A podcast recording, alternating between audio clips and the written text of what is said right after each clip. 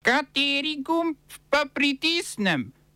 Tisti, na katerem piše OF. Turški parlament sprejel zakon o kriminalizaciji lažnih novic. Nova švedska vlada brez desnih švedskih demokratov. Evakuacija civilistov iz Hersona. Projekt potniškega centra Ljubljana bo koordinirala Alenka Bratušek. V kulturnih novicah kolektiv Kvadratni meter z razstavo Welcome v Axiumi.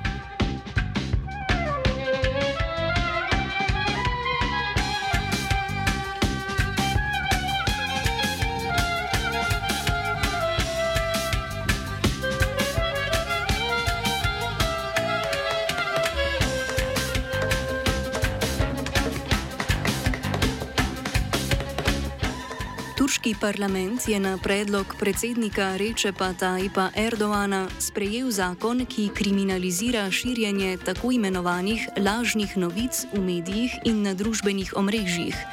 29. člen zakona določa, da bodo tisti, ki bodo širili lažne informacije o varnosti Turčije, da bi vzbujali strah in motili javni mir, lahko kaznovani z od enega do treh let zapora.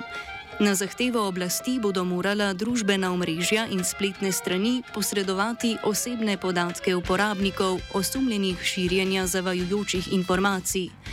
Opozicijski poslanec Republikanske ljudske stranke Burak Erbaj je v znak protesta proti sprejetju zakona v svojem govoru v parlamentu s kladivom razbil telefon, da bi pokazal, kako se uničuje svoboda izražanja.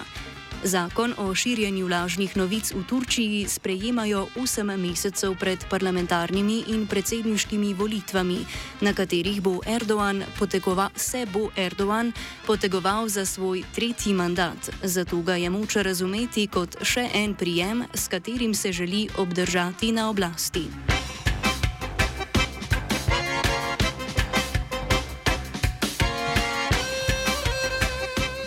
Na švedskem so sklenili dogovor o oblikovanju vlade, ki bo manjšinska in sestavljena iz treh strank desnega bloka.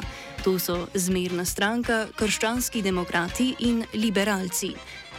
Del vladne koalicije pa ne bodo desni švedski demokrati, ki so na volitvah 11. septembra dobili največ glasov in sicer 20 odstotkov oziroma 73 poslanskih mandatov v 349 članskem parlamentu.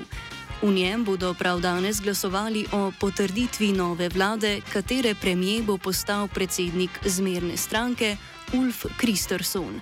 Švedski demokrati bodo vlado podpirali zgor kot zunaj koalicijska stranka.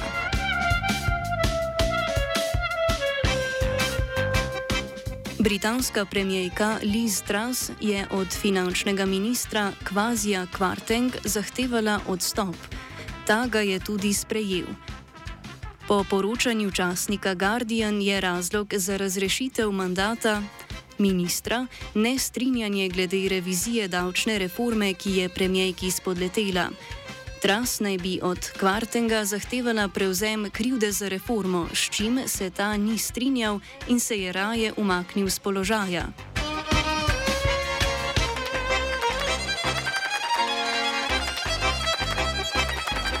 V Luksemburgu poteka zasedanje notranjih ministrov držav članic Evropske unije. Na dnevnem redu je tudi razprava o nereguliranih prehodih meje na balkanski migranski poti. Evropska komisija si prizadeva, da bi države Zahodnega Balkana svoje vizumske politike uskladile z Evropsko unijo, je dejala Evropska komisarka za notranje zadeve Ilva Johansson. V Evropski komisiji namreč nergajo nad tem, da državljani tretjih držav v države Zahodnega Balkana prispejo brez vizumov, na to pa nadaljujejo pot v Evropsko unijo. Najbolj se pritožujejo nad Srbijo, ki sta jo izpostavila avstrijski notranji minister Gerhard Karner in nemška notranja ministrica Nancy Faeser. Ta je izjavila, da je srpska vizumska politika slaba.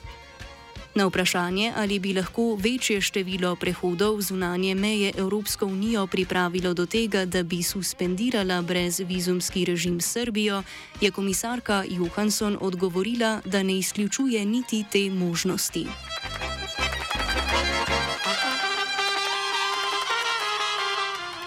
Italijanski poslanci so za predsednika spodnjega doma parlamenta izvolili podpredsednika stranke Liga Lorenza Fontano, nekdanjega europoslanca in ministra za evropske zadeve in družino.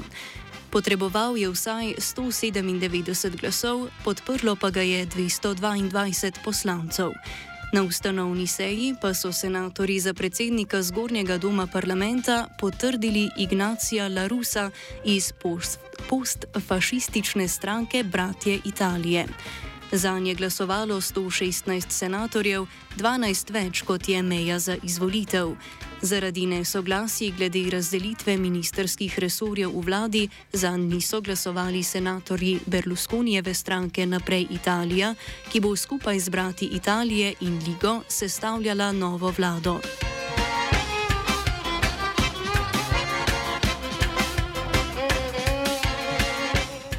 Potem, ko je ukrajinska vojska zasedla pet naselij v Hersonu, je namestnik ruskega premijeja Marat Hušulin poročil, sporočil, da bo Rusija pomagala pri evakuaciji civilistov iz te ukrajinske regije, priključene Ruski federaciji. To bodo storili na prošnjo hersonskih proruskih oblasti. Boji, ki potekajo na vzhodu in jugu Ukrajine, so del širše protiofenzive ukrajinske vojske, ki je po navedbah uradnega Kijeva prejšnji teden zavzela 400 km2 ozemlja.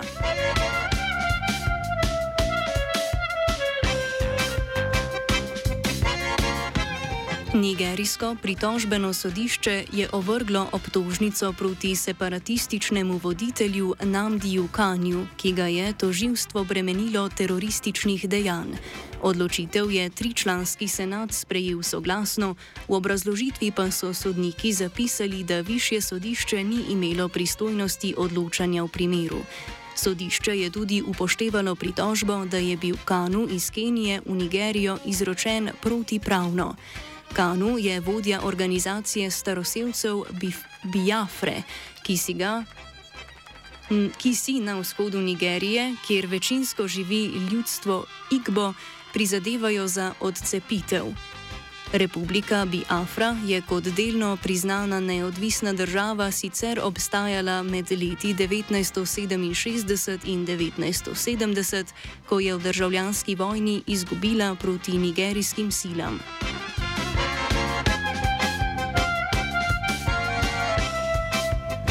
Ostajamo v Nigeriji. Nigerijski sindikat zaposlenih na univerzah je prekinil stavko, ki je trajala od 14. februarja. Odločitev so v sindikatu sprejeli po pogajanjih z vlado, ki so jim v glavnem mestu Abuja prisustvovali poslanci. Dolgotrajne stavke v Nigeriji, ki ima več kot 100 javnih univerz, kamor je upisanih približno 2,5 milijona študentov, niso redkost. Stavkovne zahteve, ki so jih tokrat postavili zaposleni na univerzah, so vključevale boljše delovne pogoje, več sredstev za delovanje univerz in izplačilo plač za čas stavke, ki jih je vlada zamrznila. Kljub prekinitvi stavke, za zdaj še ni jasno, kdaj bodo univerze ponovno odprle svoja vrata. Smo se osamosvojili, nismo se pa osvobodili. Naslednje število je še 500 projektov. Izpiljene modele, kako so se strani nekdanje LDS rotirali. Ko to dvoje zmešamo v pravilno zmes, dobimo zgodbo o uspehu. Takemu političnemu razvoju se reče udar. Jaz to vem, da je nezakonito, ampak kaj nam pa ostane? Brutalni obračun s politično korupcijo. To je Slovenija, tukaj je naša zemlja, to je Slovenija, Slovenija, Slovenija.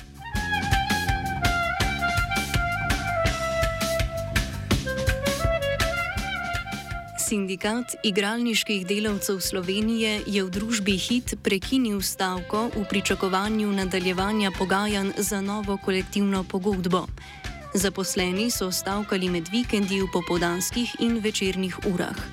Z upravo so dosegli dogovor o najpomembnejših stavkovnih zahtevah, ki zadevajo razporejanje delovnega časa in dodatke za delo ob vikendih. Sindikat je sicer na upravo Hita naslovil 18 zahtev, med njimi tudi zahtevo po njenem odstopu.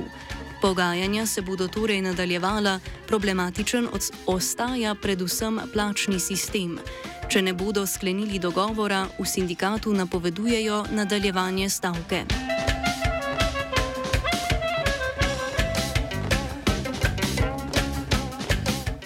Predsednik republike Borut Pahor je predsednici državnega zbora Urški Klakočar Zupančič posredoval predlog Neže Kogovšek za mesto sodnice ustavnega sodišča in Primoža Dolenca za vajs guvernerja Banke Slovenije. Za mesto kandidata za sodnika na sodišču Evropske unije je Pahor državnemu zboru predlagal dva kandidata, Marka Ilešiča in Jureta Vidmarja.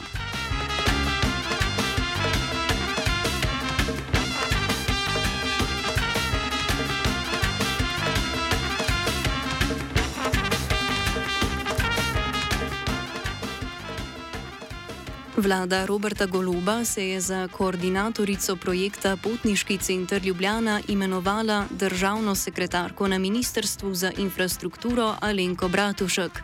Ta bo vladi vsako leto do konca junija in konca decembra predložila informacije o stanju projekta.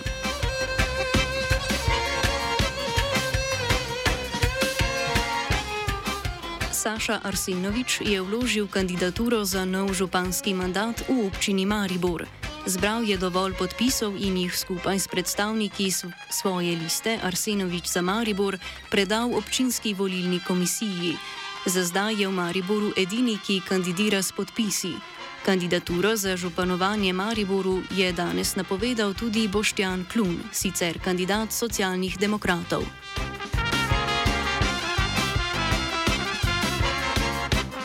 OF sta pripravila vajenka Zala in Žiga.